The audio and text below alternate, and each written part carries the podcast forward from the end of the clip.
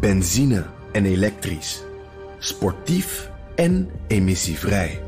In een Audi plug-in hybride vindt u het allemaal. Ervaar de A6, Q5, Q7 en Q8 standaard met quattro vierwielaandrijving. Wat u ook zoekt, u vindt het in een Audi. Audi. Voorsprong door techniek.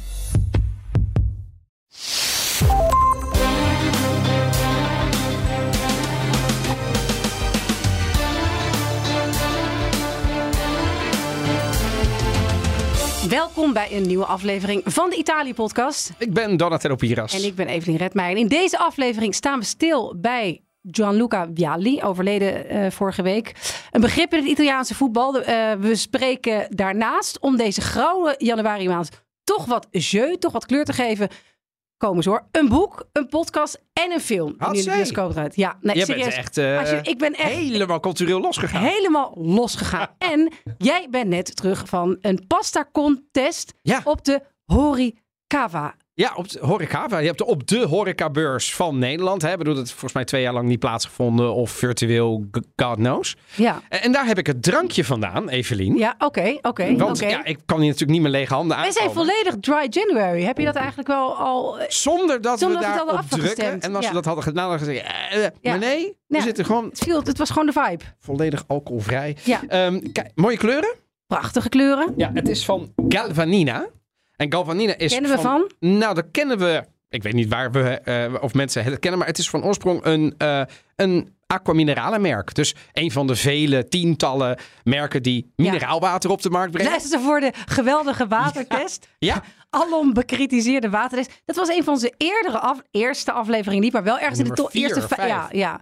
Heel had- veel geluisterd. had jij, had jij gezegd, ik weet zeker dat ik mijn favoriete water eruit kan halen. Ja. En toen zei ik, nou dat wil ik testen. Had Heb ik kraanwater, spa blauw en, en jouw favoriete water. Ja.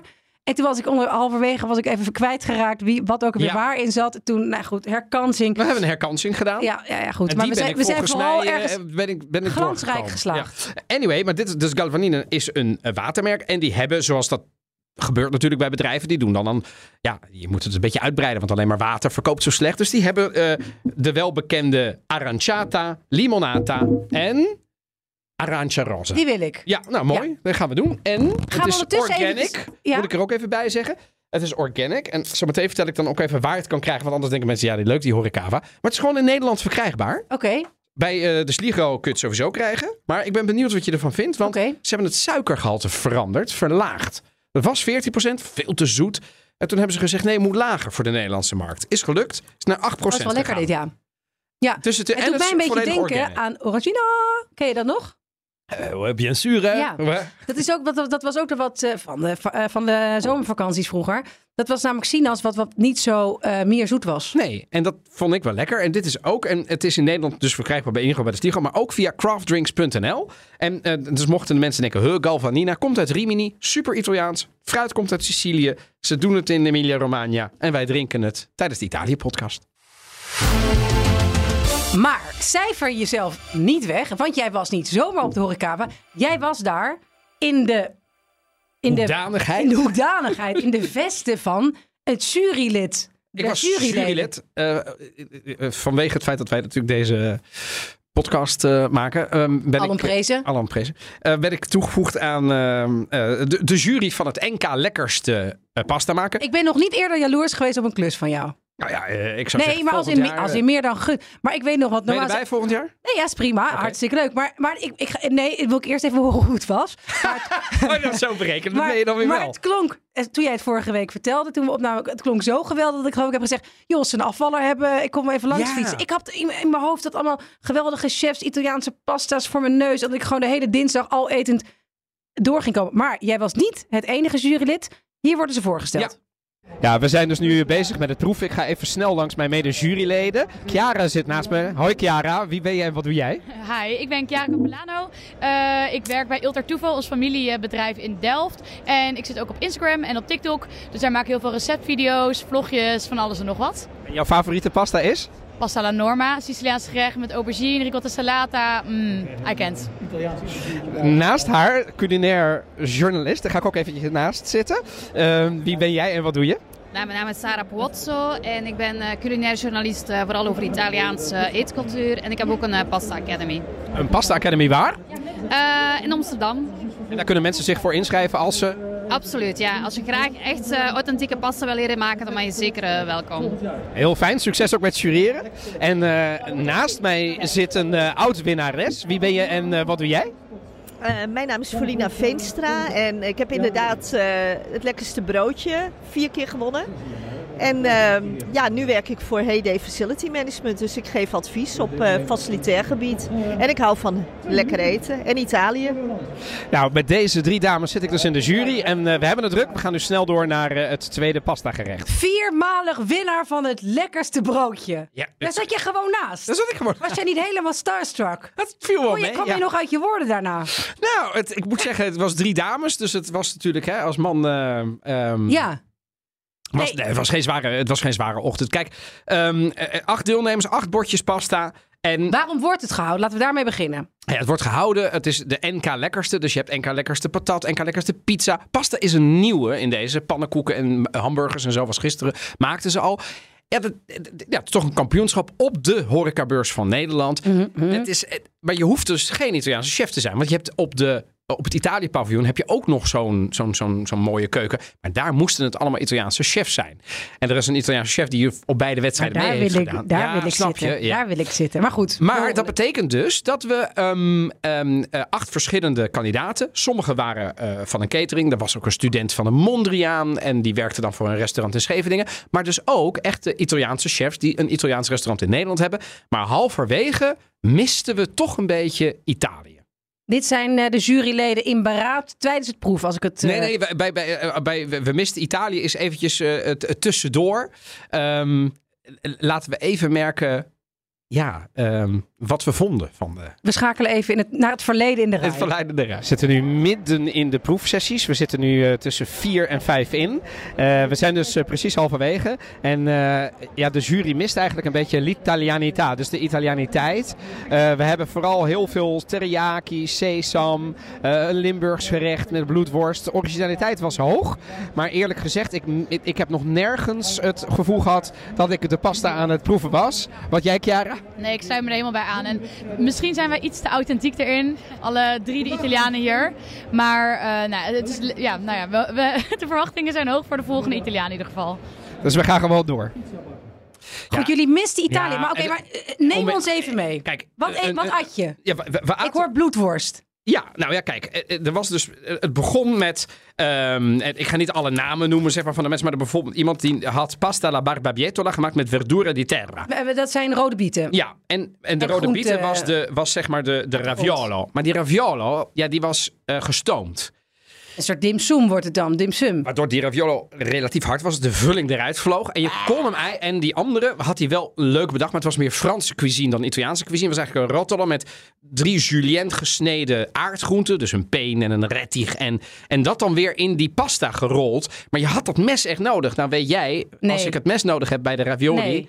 Dan va bene. Nou. Dus, nou, en zo ging het maar door. Iemand anders had pasta Overigens, zei- pura ik, wil, ik wil toch even in, in onze eh, verdediging. Ik ben geen Italiaan, dus eh, eh, dat vooropgesteld. Wij, zijn helemaal niet zo, wij zijn helemaal niet zo ontzettend gehecht aan dat het allemaal moet zoals het, eh, hoor, moet, eh, zoals het Nee, allemaal maar hoort. het moet niet te ver. even Nee, nee, goed. Wel? Kijk, als het op een gegeven moment ook een Chinese gerecht had kunnen zijn. Nou, dat is wel goed dat je het hebt gezegd. Want er was dus ook een deelnemer. En die had zijn gerecht East meets West genoemd. Oké. En dan niet, niet maar er, eh, er was geen... Oost-Toscane meets West-Toscane, maar gewoon Oosten. Nee, nee, dus Azië. Verre Oosten. En toen dacht ik, nou, dat is op zich interessant. Hè? Ja. Misschien doet hij nog iets met Marco Polo. Maar uiteindelijk waren alleen maar Aziatische gerechten. Alleen maar. De pasta was van matcha. Het waren noedels. Het lobocciato. Want als je meedoet met het NK lekkerste pasta maken... en je maakt geen pasta, maar je maakt noedels met garnalen. Hm. Heel mooi gepresenteerd. Ik zou zeggen, doe mee met een andere wedstrijd. Maar je komt Was hier bij lekker? ons. Was lekker? Ik hoor, jou Ja. over, ik hoor jou over mooi gepresenteerd. Ik hoor jou over een originele naam. dat was Maar lekker. was het lekker? Ja, maar pas echt lekker werd het Mhm, mhm. eigenlijk bij de laatste vier. Toen Ja. kwamen de Italianen erbij. En dat was een runner-up. En die jongen die hebben we toch een vierde plek gegeven. Dat was toch echt wel fantastisch. Um, zometeen horen we wie de winnaar was. Maar op een gegeven moment kwamen de Italianen. Luisterden naar namen zoals Erminio Zaccarello van het restaurant Primo uit Hilversum. Uh, Patrick Salzano uit Noordwijk. Passion Italiana. Maar er was een jongen, dat wil ik toch kort even benoemd hebben. Tijn de Jeu, die jongen was 17 jaar. Och. Toen ik binnenkwam, s ochtends om 10 uur, was hij al zijn eigen pasta aan het draaien. dat was Oh, eerste jonkie. Eerlijkheidshalve viel er op alles wat aan te merken. Het was een beetje te klonterig, was niet goed uitgedaan, was niet elastisch genoeg. De saus was een beetje vlak, niet echt. Oh ja, ik snap wel dat ze jou hebben gevraagd. Hoor. Ik had daar gewoon met volle mond gezeten en gezegd, ja, ja. nee, ja, dat is niet we- waar. Dat had je gezegd. mm, nou, Ja, maar deze jongen met een paar aanwijzingen Mm. gaat hij volgend jaar die top 3 in. Als je dit op je zeventiende doet. En dat hij daar gewoon meedeed. Ja, stoer. Ik vond het, ik op mijn zeventiende meedoen met zijn wedstrijd. No way. Nee. Maar goed. Ehm, maar de winnaar, de winnaar is eh, iemand anders. Nu wordt het hysterisch, beste luisteraars. De enige dame in het deelnemersveld. En die gaat natuurlijk met de prijs vandoor. Wat een fantastische prestatie. Ik hoor eh, Eurohouse. Ja, En ik hoor iemand ja. op de, de enige dame, heb ik er ook uit kunnen eh, ontwaren. De winnares was Gabriella Ficarielli, Ficarielli moet ik zeggen, van restaurant Divina Cucina uit Oud-Beiland. Dat is in de Hoekse Waard. Mhm. En die heeft orecchietta mia gemaakt. Evelien, het was thuiskomen. Het Oh ja? waren orecchietten, die had ze gemaakt met het meel uit de Hoekse Waard. Ze was met een molen gaan praten, met een molenaar. Die heeft die, die, dat meel voor haar daar gemaakt. Eerst lukte het niet en, en uiteindelijk heeft ze het gemaakt met een recept van haar grootmoeder. Mhm. Met kalfswang en het was. Alles aan dat gerecht klopte. Het minste aantal ingrediënten van allemaal. Ja, ja, goed teken. Eh, en het was thuiskomen. Daar had ik het hele bordje wel van op kunnen eten. Maar ik heb natuurlijk overal maar netjes één hapje van genomen. Want ik dacht, ja, straks lukt het me niet meer. Maar dit was een terechte winnaar. Zullen wij daar een keer gaan eten? Ja, lijkt me Toch? leuk. In Oud-Beierland. In Oud-Beierland. Zijn we, heb, heb je haar gesproken? Ik heb haar de afgelopen gesproken. Ze emozionata. Ze was erg geëmotioneerd. Dus ik ben verder niet. Dus ik heb haar Oh, maar gefeliciteerd. wij, wij komen haar wel... eh, Maar ja. kom wel goed hoor. ja, kom wel goed. Nou, van harte gefeliciteerd Nou. ook namens de Italië-podcast. En eh, rol die rode loper maar uit. Nee, we gaan haar een keer eten. toch? Ja, heen. nee, ik ben wel enthousiast ik ook. geworden. Ja, is heel leuk. We gaan het hebben en ik weet dat het jou ook erg aan het hart gaat. Want we hebben daar eh, via de WhatsApp over contact over gehad. Gianluca Vialli. Ja. Eh, in jouw woorden, wie is of wie was hij? Ja, ehm, het, het, het rare is dat het me zoveel heeft gedaan in de afgelopen dagen. Er zijn wel meer voetballers die overlijden. Er zijn wel meer mensen die overlijden, helaas. Ehm, maar het is alsof je een vriend kwijtrekt. En ik vond het een hele gekke gewaarwording, als ik heel eerlijk ben. Ik ben er tot, tot gisteravond nog emotioneel over geweest. Ja, een voetballer uit de jaren negentig. Doriano, Sampdoria. Voetbalde daar met Mancini, met Lombardo. Niet voor niks ook een beetje de technische staf van het huidige Italiaanse elftal. Vialli is toen vervolgens naar Juve gegaan, naar mijn club. Heeft hij drie jaar gevoetbald uit mijn hoofd. Heeft daar de Champions League gewonnen. Eh, en vervolgens is hij naar Chelsea gegaan. En hij is in Londen blijven hangen. Daar woonde hij. En vervolgens is hij, zijn laatste succes, teammanager geworden van het Italiaanse voetbalelftal. En met dat voetbalelftal is hij vorig jaar, Ja. anderhalf jaar geleden inmiddels alweer, eh Europees kampioen voetbal Samen met geworden. zijn- Samen met zijn hartsvriend, Hartsvriend. en oud-collega Roberto Mancini. Het Ja. spitsenduo van Sampdoria. Ja. Maar er zaten er nog wel meer bij die in die club van de jaren 90 van Sampdoria waren. Hij had pancreaskanker, alvleesklierkanker. Eh, daar leed hij al geruime tijd aan. Uit mijn hoofd zeven jaar, maar in ieder geval vijf jaar weet ik. Ehm, Daarom en- was, waren het ook heel, hele emotionele Ach. beelden toen anderhalf jaar geleden het EK werd genoemd wonnen door Italië. En zij elkaar, hè, deze hartsvrienden, deze eh, twee coaches eigenlijk, samen leidden ze dat team, de Europees kampioen werden. Want het was helemaal niet een eh, garantie dat Vialli dat zou halen. Nee, Want hij was toen al nee, een tijdje was- ziek. En, en dit Dus is die een van beelden- de ergste vormen van kanker. Hè. Je weet, ik bedoel, ik, helaas mensen die deze diagnose krijgen, dat is niet een, een overlevingskans van 90%. Ehm, en inderdaad, die emotionele beelden, eh, met name toen Italië wereldkampioen werd, eh, zijn er beelden. Kijk vooral Il Sogno Azzurro terug via Netflix. Europees kampioen. Sorry, zei ik wereldkampioen? Sorry, Europees kampioen. Dat waar het, eh, waar het in- hart van vol is, zullen we eh, maar zeggen. nee, oké. maar ik, laten we koesteren wat er is. Eh, toen Italië Europees kampioen werd in, 19, eh, of in 2021. Il Sogno Azzurro is een Netflix-docu. Als je daarnaar kijkt. eh, het begint met Vialli. En Vialli komt daar vaak in voor. Hij was de teammanager. Hij was de motivator van het elftal. En hij durfde niet naar de stra- strafschoppenreeks te krijgen. Dus er is een camera die alleen Vialli volgt. Mhm. Die water neemt. En op een gegeven moment worden ze wereldkampioen. En dan is er L'Abbraccio, de omhelzing met Mancini. Ik denk wel een van de meest emotionele Ja. momenten toen al. Maar als je daar nu naar kijkt, Ja. dan springen de tranen gewoon in je wangen. Want ja, hij heeft het gewoon niet gered. Hij heeft zich teruggetrokken eind november uit de staf. Hij heeft gezegd, ik moet mezelf weer eh, eh, eh, gaan, gen- hoe zeg je dat, gaan, gaan behandelen. Laten behandelen. Eh, ja, en helaas was dat zeg maar niet tijdelijk, maar heeft hij het helaas niet gered. En afgelopen week zijn er heel veel tributes geweest. Ik, ik heb echt, eh, ik heb Mourinho van Roma gehoord, die gewoon minutenlang met zijn spelers erbij stil heeft gestaan. Chelsea supporters, Sampdoria natuurlijk, Juve. En ik heb Juve gepakt, Pesotto, een oud teamgenoot. Eh, Die heb ik eh, gepakt. We hebben volgens mij hetzelfde fragment oh, aangeleverd, Oh, ja. Nee. Dit is, dit is zeg Ja. maar Gianluca Pesotto afgelopen zondag in het Juventus-stadion. Ciao Luca, Sia- siamo sicuri che questa sera sei qui, da qualche parte, in mezzo a noi.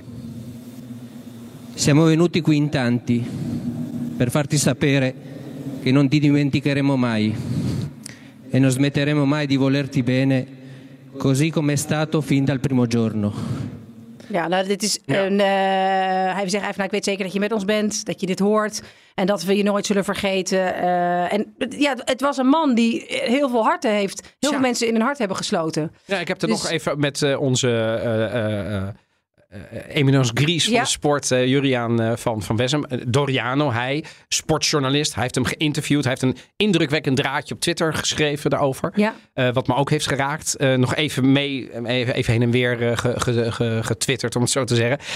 Die, die, die was ook diep geraakt hè, door, de, door, door, de, de, ja, door wie Viali was. Hè. Dus het was niet... Ja, voetballers kennen we natuurlijk in allerlei... eh, eh, die, die kunnen we iedere week interviewen, bij wijze van spreken. Zeker als sportjournalist. Maar op de een of andere manier heeft hij bij een heleboel mensen...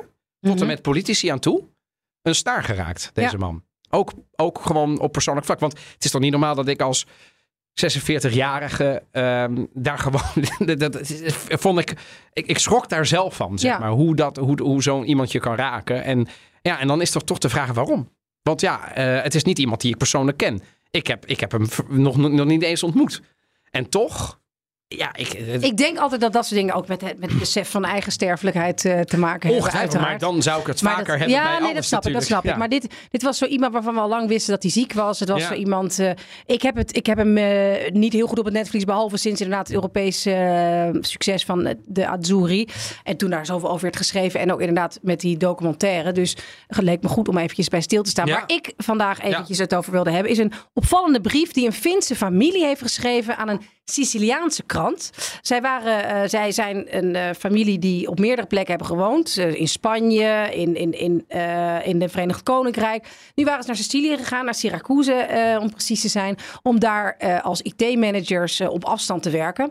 Nou, want het Italiaanse leven, want het Siciliaanse klimaat, alles, cultuur. Maar zij gaan eigenlijk na een hele korte tijd alweer weg. Omdat ze zeggen, dat schoolsysteem... Dat lijkt helemaal nergens op. Ik ben benieuwd ernaar, want ik En dat zijn daar- Finnen. Dit zijn Finnen. En die staan volgens mij in de ranking van van beste en helemaal bovenaan. ongetwijfeld. Het Finse, het ongetwijfeld. Finse systeem. Uit mijn hoofd eh, kan er naast zitten, maar... mm. Ja, nou ze zeggen van de, de, de, de, de onderwijzers schreeuwden. Iedereen werd met de auto gebracht. Eh, waarom gaan ze niet die kinderen van een jaar of tien zelf naar school lopen of fietsen? Eh, er wordt niet voldoende buiten gespeeld. Er zijn geen fresh breaks, eh, fresh air breaks. Terwijl het zo goed is voor de concentratie. De kinderen moeten veel te veel aan een tafeltje zitten, ook als ze zo jong zijn. Nou ja, heel lang verhaal kort. Ja? Deugt allemaal niet. En het is zelfs dat ze gewoon een soort oproep doen aan de regering. Verander dit nou. Nou, wat vind jij hier nou van? Want ik weet echt wel, we hebben het wel eens eerder over het Italiaanse schoolsysteem gehad. Ik denk dat je in Italië wat, misschien wat langer moet zoeken naar goede scholen. Dat denk ik wel. En dat het echt niet En per se heel is plaatsafhankelijk is. heel plaatsafhankelijk. En dat het echt niet alleen maar privéscholen hoeven te zijn. Maar dat je gewoon pech of minder pech kunt hebben. Maar er zijn ook wel slechte scholen. Ja, natuurlijk. ja, en zeker als je echt in een uithoek van eh, Sicilië gaat zitten. Platteland Dus, waarschijnlijk. ja, of, of in de buurt van of in Syracuse, wat natuurlijk een prachtige plaats is, maar Mooi. geen grote stad. Zo. wel dus geen- toeristisch. eh, exact. Van or- eh, eh, historisch gezien heel belangrijk, Siracusa. Maar het is geen met, een een metropoli, zeg maar. Het is niet... Maar goed, dat, dat laat natuurlijk onverlet dat ehm, En zeggen, why don't you offer heeft. lunch at school? En dan denk ik, ja, als er iets is Wat, waar... wat staat er? Een van de kritiekpunten was van, waarom hebben jullie geen lunch op school? Terwijl een van de Dat is, grootste... dat, dat is wel gek, want Ja. in Italië is la mensa. Ja, nee, dus normaal. En, en wordt er heel goed gegeten met allerlei groenten en, en Ja, eh, geen enkel meer, probleem. bedoel- En zijn Italiaanse scholen juist heel goed ingericht op, op werkende, beide ouders werkend. Ja. Dus ik vond het wel zo. Maar, was dit, maar is dit, ik- ik ik probeer het een beetje te lezen. Ja. Is, heeft dit ook een beetje, ehm, is dit in goede aarde geland, zo, de- deze brief van deze nou, mensen? hij is eh eh Of is viral het- gegaan, Ja, uiteraard. precies. En de mensen die zeggen van ja, je mag geen kritiek hebben op Italië, anders sodemieten er maar op. Nou, die die dat- zeggen dat. Ja. En de mensen die zeggen van eh, zie je, alles, alles is vreselijk. Ik denk dat ik er een beetje tussenin zit. Ik vind het een beetje naïef om naar een uithoek te gaan. Want of je wil of niet, eh, Syracuse is een uithoek. Eh, zit je wel echt ver van de internationale... Kijk, stel dat je voor dat je naar Zuid-Drenthe gaat. Of een ander land met een equivalent van Zuid-Drenthe. Dan Nou, Finland heeft denk ik behalve ja, dan, dan ga je toch ook steden- eventjes misschien nog even kijken van tevoren hoe dat dan is. Ik vind het ook wel een beetje makkelijk om er maar van uit te gaan dat het allemaal nou jaar, naar jouw standaarden is of zoiets. Naar jouw standaard is. Misschien dat mensen gewoon een aanname doen. Hè? We zijn één EU. En Ja, dus ja. ga ik daarheen. En dan zal het wel ongeveer hetzelfde zijn als hier. Overigens, dat mensen niet naar buiten gaan en dat ze slecht eten, lijkt me in Italië heel raar. Want wij zijn juist, dat, dat soort dingen, daar staan de Italianen zich juist op voor. En dan vind ik ze altijd een beetje paternalistisch, juist naar. Nou, buitenspelen is geloof ik wel een ding op sommige scholen. Sommige dat verzekering technisch en dat het allemaal het ligt eh, aan of je schoolplein hebt wat zeg maar eh, wat kan. En sommigen hebben dat inderdaad een stuk minder. bureaucratische ge- gedoetjes. Ik ken schoon in, de- in het centrum van Verona zonder schoolplein, weet je wel. Dus dat, dat is wel jammer, want dan kun je Nou, niet jammer zoveel... is een eh, Eh, maar, maar, ja. qua- maar, maar ja, kijk, ik ben niet van het statement dat je er geen kritiek op mag hebben. Want dat, dat- ik denk dat juist een blik van buiten ook af en toe noopt tot een bepaalde introspectie van de Italianen omdat ze dan het beeld hebben van... hé, hey, niet iedereen kijkt ernaar op onze manier. Ja, dus ja. dat vind ik goed. Ehm, en als ze weggaan... Ik kan me niet voorstellen dat de school het enige is... waarom je dan weer remigreert. Dan moet Nou, ze gaan nu ook... naar Spanje, dus waarschijnlijk hebben ze. Ik, ik denk meer gewoon Ja. arme kinderen. Als ze het dan toch willen hebben over eh, didactische dingen. Nou. Eh, je hebt drie kinderen: een van 15, eentje van 14, eentje van 6 en een van 3. En die sleep je door heel Europa om ze iedere keer weer op een nieuwe school en een nieuwe taal te laten wennen. Mag Nee, ik daar ook dat iets van bedoel ik- vinden? Ja, ja, ja, maar dat Ja. bedoel ik dus. Is- Ze zullen vast meer dingen spelen Ja. dan dat het Italiaanse schoolsysteem alleen maar lamlendig is. Maar, nee, Maar het is een, dus een, een krant Ja. die integraal, of een, een brief die integraal vertaald is op allerlei internationale eh, Italiaanse kranten eh, nu ook. Dus eh, wat dat betreft, als ze de aandacht wilden hebben, Nou, dan is dat gelukt. en ze hebben de Italië-podcast gehaald. En ze hebben de Italië-podcast Ja, gehad. hallo. Daar zullen ze toch ook trots op. Ja. Maar dan gaan we nu naar de cultuurtips al. Ja, je zegt tips, hè, want dit is natuurlijk...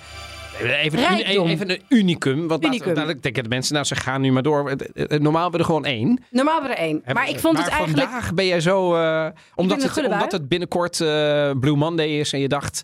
Het is januari, het is echt een Het grijze bijna periode. Wanneer is ook weer dus de derde maandag van Dus de... eh, eh, aanstaande maandag. Oh, maar dat vind ik wel een hele goeie... dat je daar dan wat cultuurtips tegenover zet. Precies. En, en jij gaat nu de geesten, eh, verrijken met eh, cultuur. Wa- wa- waar beginnen we mee? We beginnen met, we hebben al aangekondigd dat die zou worden besproken hier een paar weken geleden. De acht bergen van ehm, het bijzondere boek van, ik wilde zeggen Paolo Giordani, maar het is Paolo Cognetti. Ja. Eh, het verhaal van de bijzondere vriendschap tussen de stadse Pietro en Bruno, een jongen uit de bergen. né che l'amicizia fosse un luogo dove metti le tue radici. Ciao Bruno. Ciao Pietro. Hear the old folks when they say days getting shorter every day. Cos'è che sei nato? Per fare il montanaro.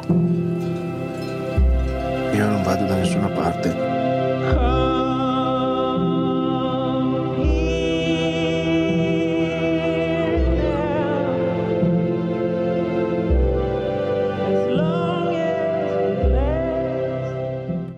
Sowieso dit- mooie muziek. Prachtige muziek. Ja. Het is een film van een eh, Belgische regisseur, maar uiteraard met een Italiaanse cast. Ook hier ken ik een van de hoofdrolspelers of de acteurs, de, de vrouw van Bruno op een gegeven moment. Dus eh, nou ja, hou je ogen open. Maar het gaat uiteraard over Pietro en Bruno, die ehm, ja, allebei eigenlijk op zoek zijn naar geluk en dat deels of deels niet in de bergen vinden. Het zijn prachtige plaatjes.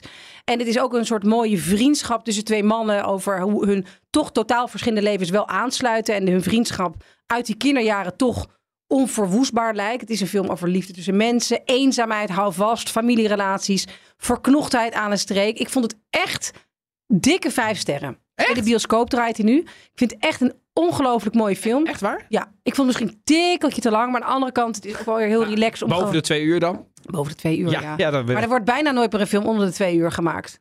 Nou, Nou, wel Netflix echt. staan er echt genoeg Nou, die eh, anderhalf uur. Ja, nou goed, ik heb... nee, maar dat is wel waar. Het is wel, is wel eh, lang. Als je dan toch miljoenen budget hebt, dan gaan mensen natuurlijk ook. Hup. Hoppakee, ja. Ja. Nou, waarom zullen we dat eruit halen? Terwijl, ja, ja. Hij krijgt volgens mij ook wel. ehm, Lovende kritieken, Ik heb toch? hem nog niet gezien, maar ik heb wat kritieken bekeken toen in, in de opmaat hier naartoe. En ja, die, die acht bergen of hè, Louis Montagne, noem maar een internationaal. Ja, de acht bergen wordt hij gewoon. Ja, dat staat in op de filmtitel. Ja, de acht bergen, de Alto Montagne. Het komt dus inderdaad van de gelijknamige roman.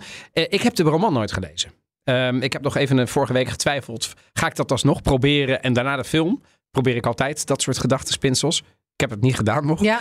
Want ik heb geen tijd om zoveel te lezen. Maar ehm, eh, eh, eh, er zijn mensen die het boek hebben gelezen. Ook onder onze luisteraars. Die hebben al via onze Instagram gereageerd. Van nou, het boek is ook fantastisch. Maar de film doet er niet voor onder. Ehm, eh, dit, hij draait in de bioscoop dus. Ja. Is het een, vijf sterren is een dikke aanrader. Ga er gewoon heen, zeg jij. Ga er gewoon heen. Eh, hij draait nu door heel Nederland. Ja. En ik denk dat zal hij nog wel eventjes doen. Maar echt een absolute aanrader. Ook als je het boek niet eh, gelezen hebt. Ik ben met iemand gegaan die het boek niet gelezen had. Ik was het boek alweer een beetje vergeten. Het is ook alweer een, eh, een tijdje geleden. We hebben ook een boek als cultuurtip. Maar dit vond ik een minstens zo mooie. Dan ga ik dus weer iets van vijf sterren aanbevelen. Maar misschien echt een hele, hele mooie podcast. Die, waarvan de eerste aflevering afgelopen weekend is verschenen. In 1969 verlaat een gezin met vijf kinderen het kleine bergdorp op het eiland Sicilië. Duizenden Sicilianen gingen dit gezin al voor. Sicilië is een eiland van vertrek en aankomst. Maar dit verhaal gaat niet over zomaar enkele Sicilianen. Dit is het verhaal van mijn familie. De familie Profita, die terechtkomt in de Rotterdamse haven.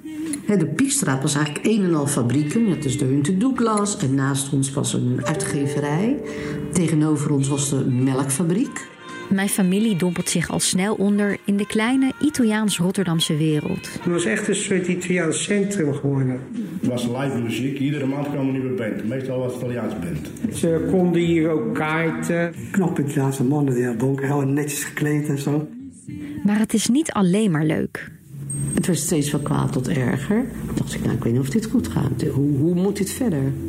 De impact van migratie op de familie is zo groot dat er uiteindelijk een ruzie ontstaat. En nu is het zo hard, want mijn vader raakt in één keer zijn, alles, kwijt. alles kwijt, zijn hele gezin. Hoe komt het dat de invloed van migratie nog jarenlang doorwerkt? Dat je bijvoorbeeld al denkt van... Nee, maar ja, het gaat toch af, het gaat ja, afhouden. Ja, Ja. omdat je zo gewend bent dat er altijd problemen zijn. Altijd iets. En is dat dan die donkere wolk die ik vaak boven mijn familie voel hangen? Ik ben Gabriella Ader en mijn nieuwe podcast heet De verschrikkelijk mooie migratie en alles dat erna kwam. Een serie voor de VPRO, te beluisteren vanaf 8 januari in jouw podcast-app. Nou, ik laat niet snel de hele trailer staan, maar omdat ze het zo goed uitlegt en het uitlegt en het nu allemaal in het Nederlands is. Dit is natuurlijk helemaal iets wat jou zou moeten aanspreken. Zeker, ja, ja Gabriella is, is ook Rotterdamse volgens mij. Ja. Ik, ik vond het grappig om te horen in een geluidsverband dat ik op een gegeven moment Italiaan hoorde met een Rotterdamse tongval. Maar dat, dat ken jij dat? dat eh, want dat ja, heb je dus. heel erg. Ja. Ik, ik heb ook vroeger in, in eh, want ik ben natuurlijk ook een, een, een, een zoon van migranten. Ehm, mensen die- die, zeg maar toch een beetje eh, Nederlands spraken met een Haags accent en een Italiaanse tongval. Ja, hoe klinkt dat? Nou, dat moet je. Dat, ja, dat, is, kun je, dat kun je niet uitleggen. Nee, want het- daar zitten vooral haar, haar moeder trouwens niet. Maar haar ooms, die was volgens mij, haar moeder was zeven. Dus Ja. die heeft toch Ja. helemaal vlekkeloos Ja. Nederland gegeven. maar precies, haar ooms spreken wel dus dat Italiaans accent, maar ook, ja, ik kan het, ik laat het, ik ga het je kan niet Italiaans accent wel nadoen, maar het is moeilijk om dan ook Maar nog de- de- Rotterdamse de- doorheen. om eh, Rotterdams of eh, Haags ook er doorheen te doen. Ja. Maar goed, is moeilijk. Maar eh, nee, maar ik vind het, het- dit is erg interessant. Ik ga hem zeker luisteren, inderdaad. En, Het is heel mooi. Zij heeft al heel veel En wat zij zegt gemaakt. herken ik in die zin wel heel erg. Ehm, als het Migratie is sowieso heel impactvol. Ik Ja. denk dat iedereen die, of dat nou Nederlanders naar Australië zijn of Marokkanen die naar Nederland, dat iedereen zal het herkennen, is impactvol ook generatieoverschrijdend. Het Zeker maakt- in die tijd. Hè? Ik vind dat toch Ja, echt wel een zeker, verschil van zeker. vandaag Zonder sociale media, 60. telefoons waren, eh, zo, het, eh, kosten waren zo duur dat je dat hooguit één keer per week en soms één keer per maand deed. Nou, al die, dus je was echt, echt weg van, van huis Ja. en haard. Dus zeker, en ik herken dat van huis en ik herken dat van anderen. Het, de, de, de impact is denk ik soms nog groter, denk ik op basis van evidence eh, te, te, te, te- te mogen zeggen. Ehm, als het een gebroken gezin was, in de zin dat het gebroken gezin is niet het juiste woord, als het een gemengd gezin was. Dus als de moeder bijvoorbeeld Nederlands was en de vader Italiaans, Mhm. dan werd het nog moeilijker. Want ja, op een gegeven moment kwam, weet je, er zijn ook heel veel scheidingen uit voortgekomen uit die tijden. Ehm, omdat het, ja, dan, dan, ging dat, dan kreeg je nog een extra culture clash erin. Ja, dat lijkt mij zo ongelooflijk moeilijk om dat. eh, dus ik vind het interessant. Is het een serie of is het een. een, een Het is een serie. Een serie. Je begrijpt dat mijn ouders nu echt trillend eh, naar de podcast zitten te luisteren. Als je het hebt over scheidingen met mensen die geëmigreerd zijn uit Italië. Ja, en wacht even, ik heb het over die tijd. Nee, nee, Eh, Dus dat zes- ik eventjes- Jaren 60 en 70. We- En dan had je je plek gevonden. Dan trouwde je met een Nederlandse. Ja, en dan bleek verdorie dat het to- toch nog anders in elkaar zat dan. Dus dat is... eh, ja, er zijn in de jaren 80 en zo ook nog wel wat huwelijken gesneuveld. Inmiddels is dat natuurlijk een stuk beter. Nogmaals, de, de tijden zijn veranderd wat De dat tijden betreft. Ja. En wat ik interessant eraan vond, dat heel veel Italianen en Spanjaarden uit die tijd terug zijn gegaan. Als je het dan hebt over eh, gastarbeiders. Zeker. En dat die toch op een gegeven moment, zodra het beter werd in die landen, want de, de, de Italiaanse boom kwam eigenlijk daarna. En, en, en, vooral in Noord-Italië. En veel Ja. Italianen zijn weer teruggegaan. Of als pensioengerechtigde leeftijd hadden ze, ze hadden altijd een pied-à-terre of een huisje. Of Ja. in, hè, je weet ook in Italië is veel familiebezit, huizen. Ja. Dus die hadden dan of een deel van een huis of een heel huis. En dan gingen ze daar, als ze uitgewerkt waren, eh, dan, dan gingen ze daar toch wel weer naar terug. Ik ken ook heel veel mensen uit de, de, de Haagse gemeenschap die inderdaad, eh, eh, toen ze eenmaal met pensioen waren, terug zijn gegaan. Ehm, ja. Het, het, is, het, is, het is een mooi verhaal. En het is goed dat dit eh, ook weer vanuit eh, haar perspectief zo wordt verteld. En zij is, eh, zij is ook een documentaire maakster. Dus ze zal Ja, ze heeft heel veel podcasts gemaakt. goed met kunnen vertellen. de kasteelmoord, Mijn kind de moordenaar, cocaïnekoorts, Leven met de maffia. ik wil zeggen, leven met de maffia. ken Heeft ik. zij ook ja, gemaakt. Ja, dus Dus- ik ben benieuwd. Ja, en dit is dus echt haar familiegeschiedenis. En dat vond ik wel. Ik had er nog eventjes geschreven, want ik vroeg van, mag ik er al een paar eerder luisteren? Want het was eh, deels omdat ik het voor de podcast deed, maar deels omdat ik er ook zodanig in zat dat ik dacht van, goh, geef mij er nog, eh, geef er mij er nog een paar. Dus ik heb er drie inmiddels mogen Oh, luisteren. ja? Eh, ik vind het echt hartstikke goed. En wat ik opvallend vind, wel, daar had ik het ook met haar kort over, want dan toch. Ja, je gaat wel vroeten in je eigen familie. Hè? Er is een conflict gekomen. En waar ligt dat dan precies aan? Hoe is dat nou gegaan, die, die, migra- die emigratie? En ik denk dat heel veel mensen, maar ik vraag me af hoe jij daar naar kijkt, denken dat Italianen ontzettend open zijn. Omdat ze gewoon heel erg emotioneel zijn en heel veel eh, lawaai maken. Nee. Maar dat is niet zo. Nee, dat is een- Italianen. Het is eerder en ze- tegen, en zeker die generatie, hè, Zeker want die we hebben het generatie, en misschien generatie nog van mijn meer ouders en die daarvoor. Ja. Is misschien wel, ehm, dat geldt denk ik ook voor de Nederlanders. Hè. Die zijn ook, waren ook niet allemaal. eh, de- maar zeker die generatie. En bij Sardijnen zijn het altijd, ja, zijn net oesters. Hè, zijn gewoon gesloten. Maar dat was niet alleen de Sardijnen. Het waren ook de Sicilianen. Het waren ook de Pugliesi. Uiteindelijk was het een generatie die heel hard heeft gewerkt. Ja, je, je sprak helemaal niet over gevoel in die tijd. Laat staan dat je dat op een. Dus ik herken, eh, eh, ik snap wel de verwarring. Want eh, als je heel veel praat en met heel veel eh ja, maar dat, aplomp. dat betekent niet dat je heel veel zegt. Nee, nee, dat betekent ook niet dat je heel open bent over je Nee. eigen gevoel. Dus ik denk dat met name als je dan toch een van de redenen wilde hebben, Evelien, voor waarom die huwelijken stuk liepen. Ja, omdat de ene dan wel sprak en de andere bijvoorbeeld niet. Ja, ja. Ja, dat is natuurlijk een recept, dat weten we nu ook, voor, eh, voor een een valikante mislukking. En als je dan ook nog eens er niet over kon praten. Ja, dus ik ben, ik ben heel erg benieuwd naar Wat ik deze nog het laatste wat ik er nog over wil zeggen, wat ik interessant daaraan vond, dat de dochters en de zonen heel anders werden behandeld daar in Rotterdam. Dus je krijgt, op een gegeven moment krijg je het Rotterdam van de jaren 70, het Nederland van de jaren Ja. 70. En ehm, ja, een familie die nog, nou ja, een, dus La Nonna, de, de, de moeders des huizes op dat moment. Die helemaal niet zo makkelijk opgaat in het nieuwe leven. Maar hun, Nee. haar tiener en, en twintiger kinderen wel dat de, ehm, de vrouwen veel strakker werden gehouden. Dat, alle, al- dat die dochters helemaal niet zoveel mochten. Dat er gewoon hele andere eh, maatstaven voor waren. Vond ik ook opvallend. Ik zou zeggen, lees het, heb je het boek van Lala Gül gelezen? Toevallig? Nee. Nou, dat is ook een interessant boek. Het gaat natuurlijk niet over Italië, maar het gaat zeker wel over verschillende culturen van emigranten hier naartoe. Herken, her- eh, eh, heel erg de cultuur waarin de man eigenlijk veel vrijer werd gelaten, jonge mannen. En de meisjes, daar ging het over, heel strak. Ja. Te strak eigenlijk. En eh, ik, ik, ik, ik, ik, ik herken het natuurlijk niet, want ik ben geen meisje. Dus ik genoot zeker een redelijke vrijheid. En ik kan Ja, mijn dat- ouders niet betichten van eh, allerlei dogma's en zo, gelukkig moet ik zeggen. Maar ik kan me levendig voorstellen dat zeker in zo'n situatie... en zij zijn volgens mij nog een iets groter gezin, hè? Mhm. de, de familie Adair. Ja. Ja, ik, eh, ik, ik, ik kan me het levendig voorstellen. Ik ben heel erg benieuwd. Gewoon, eh, hoe, hoeveel, hoeveel series? Hoeveel, Vier. Vier. Oké. Vier uit mijn Ja. hoofd. Voor, eh, vier of vijf. Weer Pim- eentje voor op de lijst. Zeker. En eh, de verschrikkelijk mooie migratie en alles wat er na kwam. is dus te luisteren via alle bekende podcast-apps. Tot slot, voordat we naar volgende week gaan. Want eindelijk komt er een onderwerp aan wat we al heel lang hebben aangekondigd. Ja, dat straks. Zeker. We gaan het hebben over een boek wat een aanrader is van Michel Schoenmakers. In de mail kwam die binnen eind, nee, begin januari. Ehm, een boek van Paolo Giordano. Ik noemde hem net al, maar ik was even in de war met die andere Paolo die veel boeken schrijft in Italië. Met al die cultuurtips. Tasmanië. Tasmanië. Een part het gaat over ongelooflijk veel dingen. Het gaat over een partner, hè, overigens met een Nederlands stel.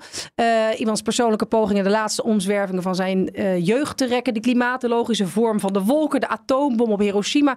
Noem maar op. Ja, het, is nog, het gaat alle kanten op. Het is nogal eh, rijk. eh, Maar ja. het is een ongelooflijk mooie roman. En mensen kunnen misschien kennen. De eenzaamheid van de priemgetallen heeft Ja. hij geschreven. Ja, Daar is hij op ongelooflijk jonge leeftijd mee, ehm, mee, eh, is mee doorgebroken. heel- over de hele wereld volgens mij toen. Ja, en De Hemel verslinden. Ook een mooi boek Mooi van boek, hem. ja. Maar dit, de Tasmanië, is sinds een paar weken volgens mij uit. Ergens, nou ja, volgens mij in oktober En heb je ook al gewoon eventjes tot je Ja. genomen. Ja. Ongelooflijk. Maar wat doe je met dit grijze weer?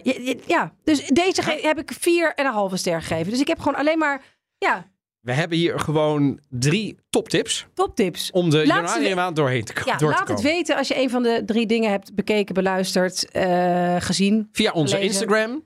Italië podcast. Of via onze eh, mail. En dat is Italië Italiëpodcast.gmail.com. Precies. Maar nu eigenlijk is deze hele eh, aflevering een prelude naar wat we volgende week gaan doen. nee, dat doen we heel erg Maar onder- het ja. is wel zo, ehm, Don, Ja. wat gaan we eindelijk volgende week doen? Nou, We gaan het eindelijk hebben, alsof het iets fantastisch is. Maar het is Nee, eigenlijk tuurlijk. een hele zwarte periode. Maar we hebben er heel lang over, ge, met name ik, eh,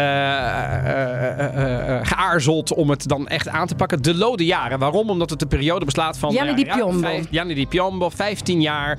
Periode met meer dan 1500 aanslagen. Meer dan 300 doden. Doden, duizend gewonden. en een, een, een, een golf van angst die echt door Italië ging. Daar gaan we volgende week aandacht aan besteden. Dan doen we aan de hand van drie lichtende voorbeelden. Praten we jullie er doorheen. En we geven en passant ook nog eventjes een passende cultuurtip. En nog wat verdiepende tips als je echt veel meer erover wil weten. Want ja, in een ruim half uur kunnen we niet alles vertellen. Ja, want ik vind het wel inderdaad een echt een belangrijke periode. Ook om de politiek in Italië van vandaag de Eh, dag te Je gaat Italië steeds beter begrijpen. Waarom worden op rechts de links nog communisten genoemd? Waarom noemt links rechts nog altijd fascisten? Komt allemaal uit, eh, Uit die tijd uit die en tijd. daarvoor. Ja. En daarvoor uiteraard.